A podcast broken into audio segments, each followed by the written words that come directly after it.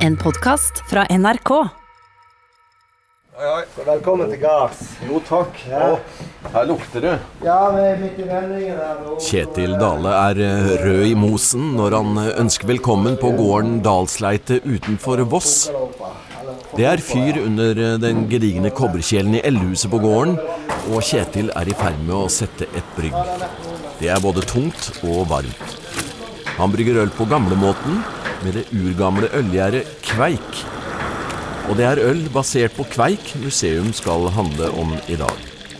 Vi skal tilbake hit, men for å sette øl inn i et historisk perspektiv, skal vi til Finnesloftet i Voss sentrum. Se her, du. Midt i både moderne og gammel bebyggelse så fremstår jo dette bygget fantastisk. Ja, det er faktisk det eldste, eldste gildehall i tre i Norge. Fra 1295. Da blir en litt ærbødig. Ja, det blir du. Og her er jo med, med laft i første etasje og stavverk i sånn som stavkirkene i andre etasje. Så du blir andektig når du stiger inn her. Det, det, er, du. det er jo en gildehall, da. Knut Finne er jo med oss, og han har jo spesialkunnskap om dette huset fra langt tilbake. så... Ja, Finnesloftet er en uh, særs spesiell bygning. Uh, det er tre ting en kan uh, nevne som særmerker. da. Og Det er jo selve bygningen eller konstruksjonen.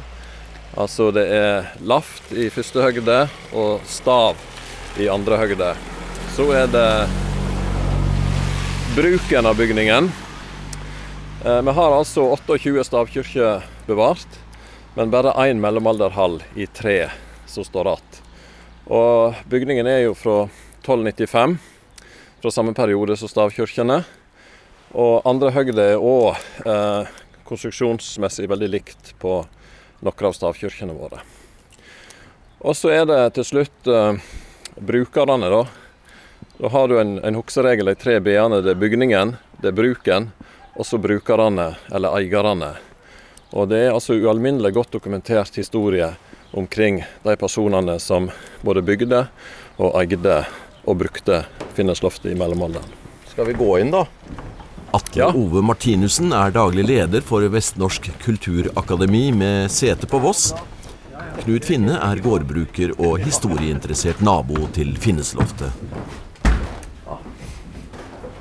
Den umiskjennelige lukta som er i, i sånne hus, den, den er så god. Jeg vet ikke hva det er. Det er litt tjære og Det er kjøre- og treverk. Ja. Så det er Ai. Her kommer du inn i sjølve gildehallen. Fantastisk, da. Ja, og en gildehall, da. Kan du fortelle litt mer om hva egentlig det er? Ja, gildehall, det Altså Når vi bruker ordet gildehall i dag, så tenker vi jo på festlige samkommer og samdrikkelag og slike ting.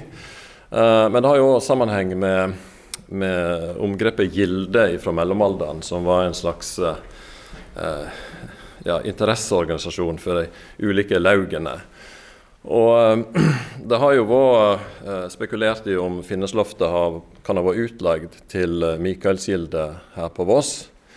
Det er godt mulig. Det vi vet sikkert, er at de som, som bygde og eide Finnesloftet, det var velstående slekter i mellomalderen. De kaller seg for Peter Bonde og Eirik Bonde. Men bonde i mellomalderen var mer i tyinge eh, jordeier eller jordherre. Ja. Sånn at eh, de var ikke eh, tradisjonelle bønder slik vi tenker på bønder i dag. Det var, I dag så ville vi kalt dem for eiendomsforvaltere. Nettopp. Ja, og for dem var det helt naturlig, altså, altså med de eh, ressursene de hadde, så var det helt naturlig å så, eh, føre opp en bygning som kunne høve for å ta imot gjester. Og by dem eh, eh, mat og øl og godt lag. Godt lag med mat og øl. Som bryllup, f.eks. for eksempel. Vi hører Ragnhild Opedal Tveit fra Lofthus spille Griegs versjon av Tussebrurefæra på Vossevangen. Et gjenbruk fra programmet Grieg i Ullensvang som vi sendte for kort tid siden. Det er jo ikke så langt unna Voss. Øl har vært en uhyre viktig drikke opp gjennom historien. Brygga på kveik.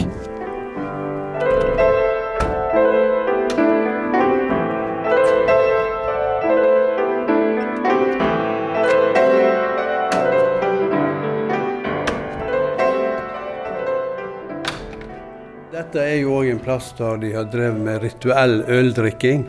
Altså det vil si Når de skrev avtaler, så skulle de ikke bare signeres, men det skulle drikkes øl i forbindelse med, med at du undertegner en avtale. Og Da kan vi òg lansere kveiken, altså gjærsoppen kveik, som har vært brukt til hjemmebrygging i Voss og og andre deler av Indre Vestland. Da må du forklare eh, hva kveik er i forhold til eh, annen eh, gjær en bruker i ølbrygging. Ja, Kveik er da en egen del av eh, familien Saccharomyces Serviesa, som er vanlig ølgjær. Og som vi tror går langt tilbake og vært brukt i Voss og Indre Vestland kanskje i flere tusen år. Overført fra generasjon til generasjon. Dette skal vi prøve å forske mer på og finne ut om vi har rett, eller om dette ikke går mer enn kanskje 1000 år tilbake. Men det vil vi finne ut av. Men kveiken er spesiell i forhold til vanlig olje. Han gjør det på høye temperaturer. Du kan tilsette den på 39 grader. Når du har tatt ølet ned til 39 grader, tilsett kveik, så begynner han å gjøre. Og han gjør ut ølet på 48 timer ca. Så det var det- effektivt. Veldig effektivt. Og du vet når det var bryllup, så kunne det skje fort. Og når det var gravferd, så kunne det òg skje fort. Da hadde du ei uke på deg kanskje, og da måtte du brygge. Og da fikk du ferdig ølet, da. Ja. Eh, Men det fine med kveiken er at han gir òg tropiske fruktsmaker. Så det er mye aroma i, i hjemmebrygg med øl, av øl som er brygga med kveik. da. Og dere som representerer Vestnorsk kulturakademi, eh, jobber litt hardt med det? Ja, vi har gjort det nå i halvannet år. Og det er fordi denne tradisjonen med heimebrygging med kveik, den er i ferd med å forsvinne. Det er ikke så mange igjen som driver med det. Det er cirka, per i dag ca. 30 kveiker i Indre Vestland, fra Sunnmøre til Sogn, Nordfjord, Hardanger og Voss. Eh, Den guruen innenfor håndverksbryggeri eh, eh, som i moderne tid er jo da Michael Jackson, en journalist fra, England som var på Voss på begynnelsen av 90-tallet. Eh, og han sa når han fikk smake øl med kveik, at dette er sporene som går Det tydeligste sporet som går tilbake igjen til Mesopotamia. Og den første ølbryggingen der. Og Det som jo er litt spesielt med det å være i Gildehall her på Voss, og en vet at her har det blitt drukket mye øl med kveik, er jo det at eh, i Göbekli Tepe, som jo de avdekker de eh, eldste templene, de ligger i tyrkisk Kurdistan, der eh, eh, brygger de øl, og de samles i tempel. Og, og øl og sosiale sammenhenger, det er jo samme bruken som vi har i dag. Men òg da i en gildehall, selvsagt. Det er et sosialt glidemiddel. Utrolig, da. Jeg begynte å bli engstelig når du sa Michael Jackson, selvfølgelig. Ja, Men, eh, Vidar Skeie er styreleder i Vestnorsk kulturakademi. Men Knut Finne har mer på hjertet. Altså, du har jo her Her er jo eh, Vi har hengt opp eh, eh, kopi av gamle diplom. Her er et fra 1241, det er altså fra før Finnesloftet var bygd. Men her er det erkebispen i Nidaros, Sigurd, på den tid, som sender brev til paven og spør om det er greit å holde fram eh, den etablerte skikken i Norge, der en altså døyper båten i øl. Og Det nedslående svaret fra paven er jo at eh, det kan ikke regnes som eh, ordentlig eller gyldig dåp.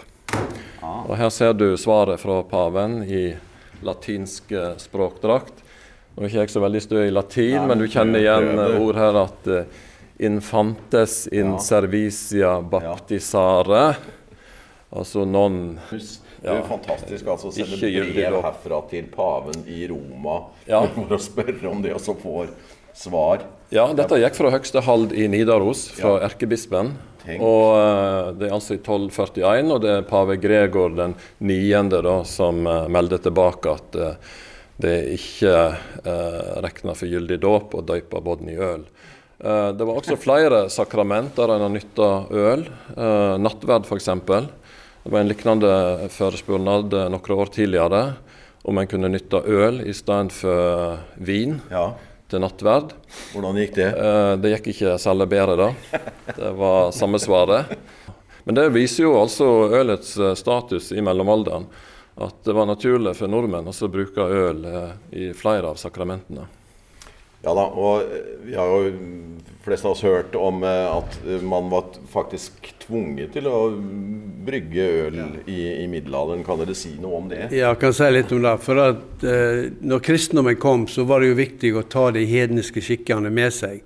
Og dette med ølbrygging og bruk av øl i ulike rituelle sammenhenger var veldig vanlig før kristendommen kom. Og i, eh, i 1024, så på Moster, så skrev de ned Gulatingsloven. Og Olaf den hellige han sa da at du skal brygge to ganger for året, og du skal, det var påbudt. Og du skal servere øl én gang utenom.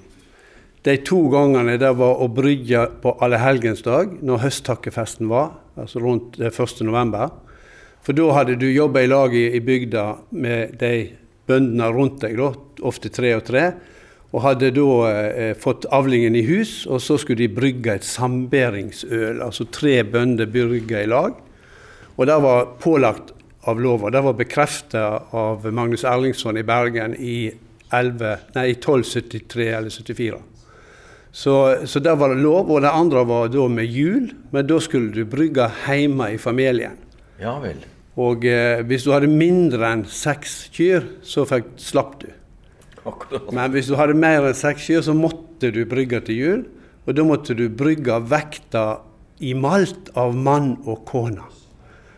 Så hvis du var store, så ble det mye, mye øl. Da var du tynn og mager, så ble det litt mindre. Men det var påbudt. Og eh, den loven opphørte i 1274. Men så sent som på 70-tallet så hørte jeg om en gammel mann her på Indre Vestland som sa at jeg må brygge til jul, for det er lova. Så Gulatingslova og, og landslova har hol- holdt seg helt fram til, til til 70-tallet ja. i hvert fall. Hva var sanksjonene da, du, hvis det ikke etterkom eh, kravet om å brygge øl? Ja, da kunne du miste gard og grunn. Altså Først fikk du pålegg og fikk bøte. Hvis du allikevel ikke brygga, og det var jo da skulle du brygge til Guds ære.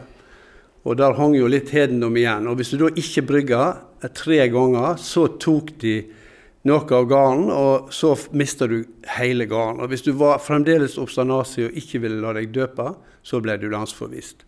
Så Derfor er det veldig viktig at vi nå holder oppe disse tradisjonene. Da. Og Derfor så har Vestnorsk kulturakademi tatt tak i den immaterielle kulturarven og den handlingsbårne kunnskapen som har gjort at dette er ført videre. For det er bøndene som har ført dette videre fra generasjon til generasjon, og gjør at vi har dette i dag. Folket på Voss har mye på hjertet. Vi kunne jo laget minst et helt program bare om Finnesloftet, men vi må videre. Nå til Mølstertunet, en del av Voss folkemuseum. Eirik Helleved er leder der. Dette er det som er litt unikt her på, på gården Mølster, som er et av de, et av de tre tunene til Voss folkemuseum. Det er jo at alle husene står nøyaktig der det sto når folk bodde her. Her er 16 hus rundt oss på tunet. Eh, Grunnen til at det er så mange, er at det var to familier, to brukere. Og Huset ligger helt om hverandre, sånn som det var vanlig. Eh, Med hus for folk inn mot dalsida og hus for dyr ut mot dalen, Ja. grovt sett. Og her er det veldig utsikt ned. Vi kan Ja. gå ut på kanten og se. Vi kan godt gå ut på kanten og se hvis det eh, Det er faktisk vært noe av det vi bruker i markedsføring, at her har du beste utsikter over Voss. Ja. Oi, oi, oi. Det er nesten så det kiler litt. eh. Oi, oi, oi. Da bør du ikke ta turen i den nye gondolbanen hvis, hvis, du får, hvis du får høydesjekken. Jeg blåser litt òg, men eh, Ja, du, du ser hele Vangen. ja. Du, du kan godt ha en historietime om Vangen herfra. Ah, flott. I gamle dager hadde gårdene eldhus, eller røykstover. Professor emeritus, kreftforsker og tidligere rektor ved Universitetet i Bergen, Ole Didrik Lærum, har særlig interessert seg for røykstovene. For det var der de brygga ølet. På Mølstertunet har de et slikt hus med ildsted, kjele og jorde i taket. Opprinnelig så var det vi kalte for røykstova, det var det eneste huset som ble oppvarma om vinteren. Så inn her søkte alle når det var kaldt. Og de lå på benker rundt langs veggene. Ja. Og så hadde de åpen eld på. Men så når eh, det ble flere folk, og folketallet økte, så var det behov for større plass. Og da bygde de et litt større hus inntil den gamle røykstova. Og så tok de vare på den, for pga. bryggeskikker og matskikker så trong de det. Så dette var grovkjøkkenet. Og i tillegg så åt jeg her i Slåtten når de var veldig svette, Ja. for dette huset var ganske svalt. Ja. Og så eh, bakte de, og de laga mat her. Og så eh, serverte de inne i hovedhuset. Så derfor så, så lenge det var bruk for disse stovene, så ble det tatt vare på. Og eh, det har medført, altså mat- og bryggeskikkene, har medført at eh, her i distriktet, altså Voss, Evanger, Vossestrand, så er det kanskje en 140 eh, forskjellige slike røykstover som står på gardene i mer og mindre opphavlig stand. Så brygginga, den har faktisk ført til eh, flott fortidsminnevern. Det er nesten genialt. Så eh, alkohol har sine positive sider. Ja, det var ikke nok med det, men de, de lager jo tynt øl om sommeren som de brukte som tørstedrikk, som ikke var alkohol i. Og spissølet. Da har jeg lyst til å si litt mer om dette med, med Kveiken, og Ja. der òg Ole er involvert i et prosjekt som vi skal i gang med, et forskningsprosjekt, der vi har tenkt å gå i noen av disse 140 røykstovene og ta ut DNA-prøver fra bryggerutstyret for å prøve å finne den råstamma til Kveiken, som da gjerne går tilbake til middelalder. Så det blir jo et spennende prosjekt, og eh, jeg håper vi kommer i gang med det nå i sommer og får gå rundt og ta prøver og så analysere det. Det blir en, en spennende, spennende ting å gjøre.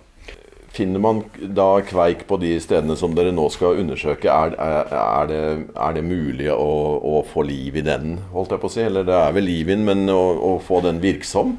Eh, Det vet jeg ikke, men vi kan finne DNA-sporene. Ja. Og så kan vi analysere det, og, og kanskje da finne ut hva er det som er råstammen til kveiken. Og Det er jo da med, med, med gensekvensering. Så det blir et spennende prosjekt.